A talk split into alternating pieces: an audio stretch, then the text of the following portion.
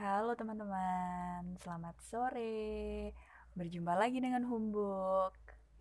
Kali ini cukup berbeda dari biasanya.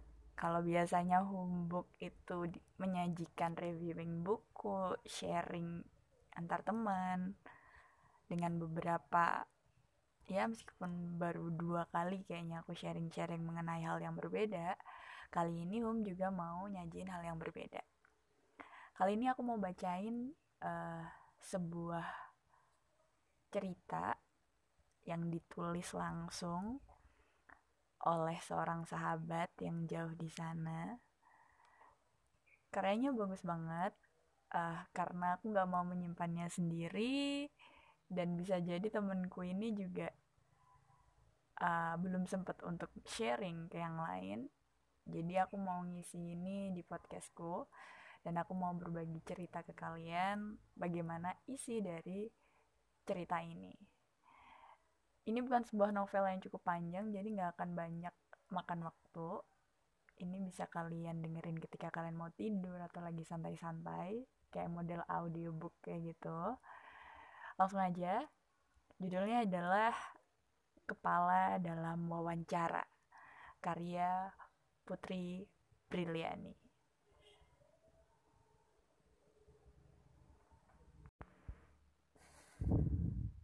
Narasumber pertamaku adalah seorang narapidana kasus pembunuhan berencana yang akan dieksekusi esok pagi buta. Akhirnya, aku berhasil mengumpulkan keteguhan untuk menemui laki-laki itu. Puluhan meter di bawah tanah sana. Perjalanan menuju ke selnya saja mengingatkanku pada pengalaman memasuki wahana rumah hantu sewaktu study tour kelas 6 SD. Aku tak suka.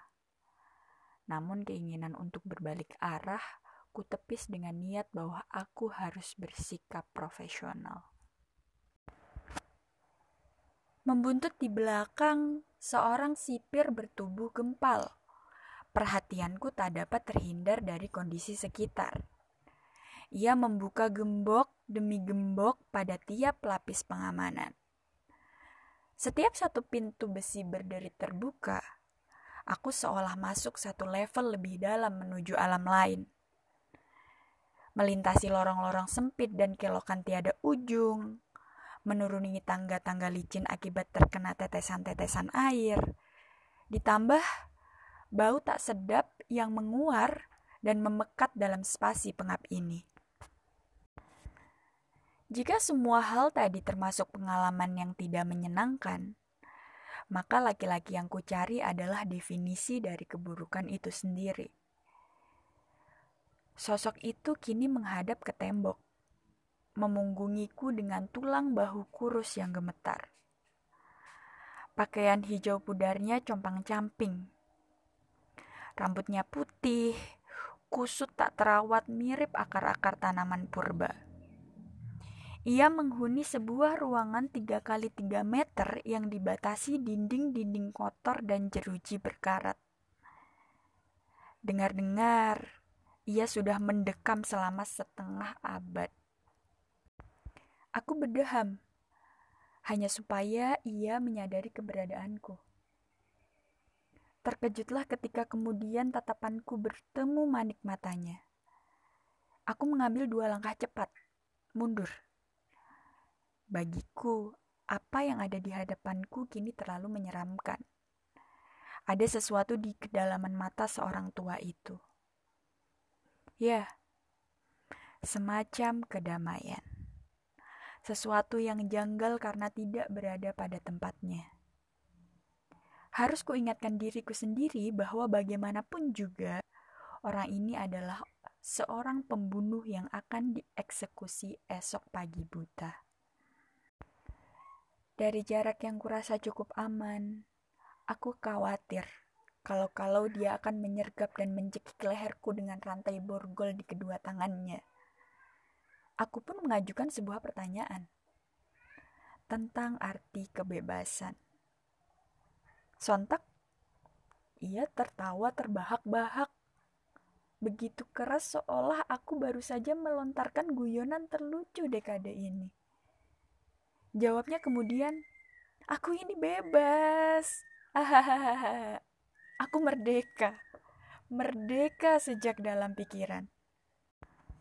Pak tua ini pasti sudah terlalu lama terisolasi, pikirku. Meskipun ia sempat menyinggung bahwa dirinya dijebak, bahwa ia hanyalah korban sistem hukum negara yang tumpul ke atas namun runcing ke bawah, aku tetap saja sanksi. Aku tak tahu apakah ia berkata jujur ataukah sengaja memoles emosinya sedemikian rupa, seperti film-film kriminal yang biasa ku tonton tentang seorang psikopat yang ahli memanipulasi. Aku beringsut, takut, sekaligus meragukan jawabannya. Oleh karena itu, aku pun melanjutkan pencarian. Narasumber keduaku adalah seorang ibu penjual dawet. Tapi aku harus menunggu.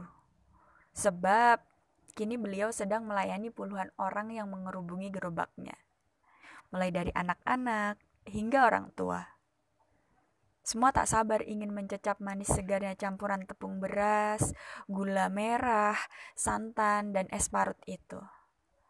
Lalu diguyurkan ke kerongkongan yang terasa kering.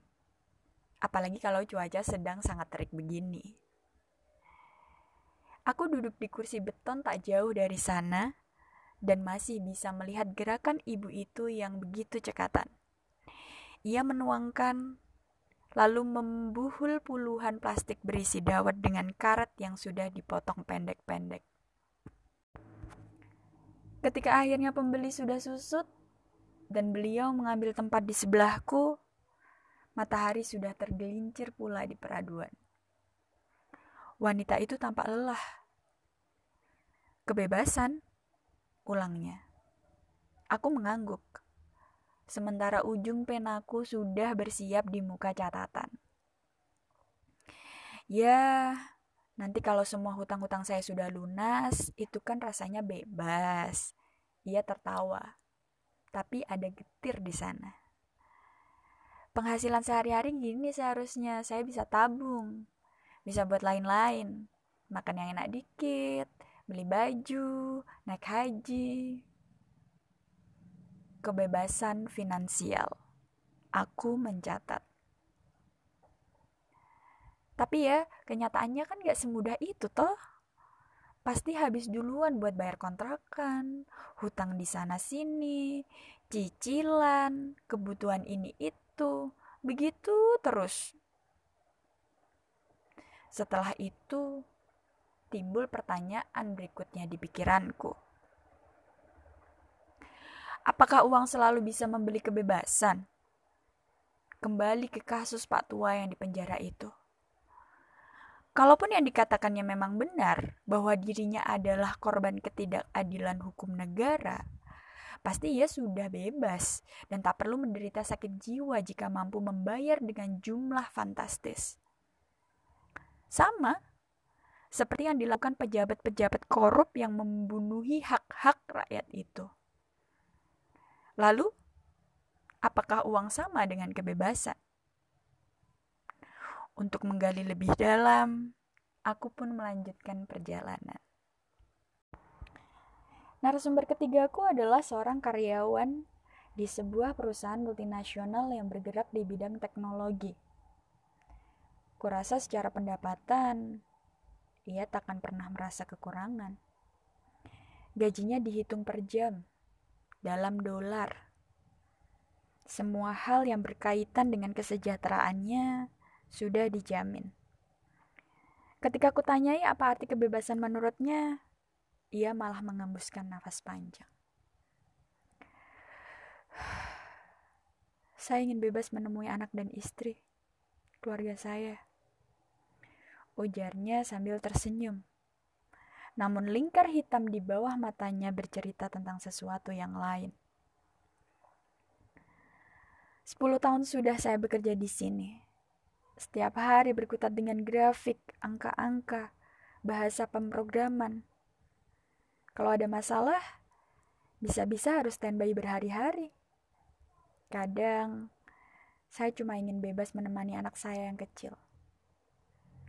Laki-laki itu menunjuk ke sebuah foto 4x6 yang ditempel dengan selotip washi di sisi kiri kubikelnya. Ini Kak ya? Seharusnya hari ini saya hadir ke sekolah. Ada pertunjukan musikal yang ia mainkan di acara kelulusan. Ku dengar, ia sudah berlatih sepenuh hati untuk itu. Tapi, saya mengingkari janji karena ada setumpuk pekerjaan yang harus saya selesaikan. Nadanya muram. Nah, ia lantas mengagetkanku. Bisakah Anda pergi sekarang kalau memang sudah selesai? Saya harus kerja. Aku langsung berdiri dan membungkuk ringkuh. Laki-laki itu mengarahkan atensinya kembali ke layar komputer. Di sisi meja, tampak gelas-gelas berjejak kopi yang menjadi saksi pertempurannya. Waktu aku menulis di catatanku. Kebebasan berarti memperoleh lebih banyak waktu. Pada kenyataannya, laki-laki itu tak bisa membeli waktu, berapapun uang yang dimilikinya. Namun, jika benar itu adalah arti kebebasan yang sesungguhnya, Waktu juga tak bisa memberi rasa bebas pada Pak Tua di penjara maupun ibu penjual dawet itu. Bagi mereka, lebih banyak waktu bisa saja berarti sengsara lebih lama. Alih-alih kebebasan, jawaban itu tak memuaskanku. Aku pun melanjutkan ke wawancara yang selanjutnya. Narasumber keempatku adalah seorang mahasiswa Ketika aku datangi, ia tampak sedang bersantai di depan ruang sekretariat Himpunan Mahasiswa Pecinta Alam. Menggenjreng-genjreng gitar sambil menyenandungkan sebuah lagu asing. Sepertinya ia sudah menghidupi kebebasan yang hakiki. Ah, enggak juga. Sanggahnya sambil terkekeh. Saya naik turun gunung, menjelajah tanah-tanah jauh, tetap saja kepikiran skripsi yang belum kelar. Kalau skripsi sudah selesai, baru saya bisa merasakan yang namanya kebebasan. Hahaha. Aku menepuk jidat. Narasumber kelima aku adalah seorang anak kecil. Kutanyai saja ketika kebetulan ia mendekat ke arahku untuk mengambil layang-layang mininya yang jatuh di dekat kursi taman. Aku penasaran dengan jawabannya sebagai anak kecil yang belum punya beban apa pun. Ia tak tahu rasanya di penjara, terlilit hutang, terhimpit jam kerja, maupun dihantui skripsi. Namun ia tak menjawab pertanyaanku. Anak itu hanya tertawa lepas sambil berlari, membayangannya lagi.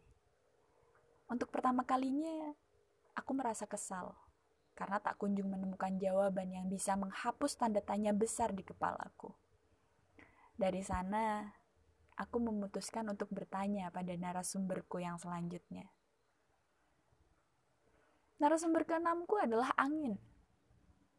Saat kutanya, apakah makna kebebasan yang sebenar-benarnya? Ia menjawab dengan semilir. Menerbangkan layang-layang anak kecil tadi semakin tinggi. Aku berusaha mengejar, namun yang kudapati hanya hela dingin yang meresap ke kulit-kulitku. Tak terasa dini hari merebak di muka jendela kamar. Aku tersadar dari kontemplasiku yang amat dalam. Orang-orang yang hadir di dalam imajinasi di kepalaku, sayangnya belum ada mampu mendatangkan inspirasi yang jernih. Aku pun berinisiatif untuk bertanya pada seseorang yang mungkin adalah narasumberku yang terakhir.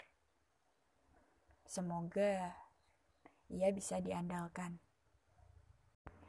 Dan narasumber ketujuh adalah diriku sendiri. Aku bertanya tentang arti kebebasan padanya. Lantas aku mengerti. Langsung saja, aku membuka laptop dan menuliskan kata pertama untuk memulai sebuah karya. Cerita pendek. Blitar, 25 Januari 2020 Nah, itu tadi ceritanya. Bagus kan? Bagus banget kan? Ini cocok banget buat kalian yang bertanya-tanya tentang arti kebebasan. Jujur aku menghayati banget itu bacanya ya. Itu bagus karena selama ini aku juga cukup berkontemplasi dengan arti kebebasan sesungguhnya gitu. Apa bener sih kebebasan itu berarti kebebasan finansial atau kebebasan lainnya? Mungkin cerita pendek ini bisa menjawab, bisa turut menggambarkan keresahan yang terjadi dalam diri kita masing-masing gitu ya. Semoga cerita ini menginspirasi dan terima kasih untuk penulis. Ceritanya bagus banget. Ditunggu cerpen-cerpen lanjutannya. Jangan sampai berhenti nulis cerpen. Aku juga bakal ngepost ini di podcastku buat kamu juga semangat nulisnya terus. Oke, sekian podcast dari Homebook kali ini. Semoga bermanfaat dan menginspirasi untuk semuanya yang mendengarkan. Dan selamat sore.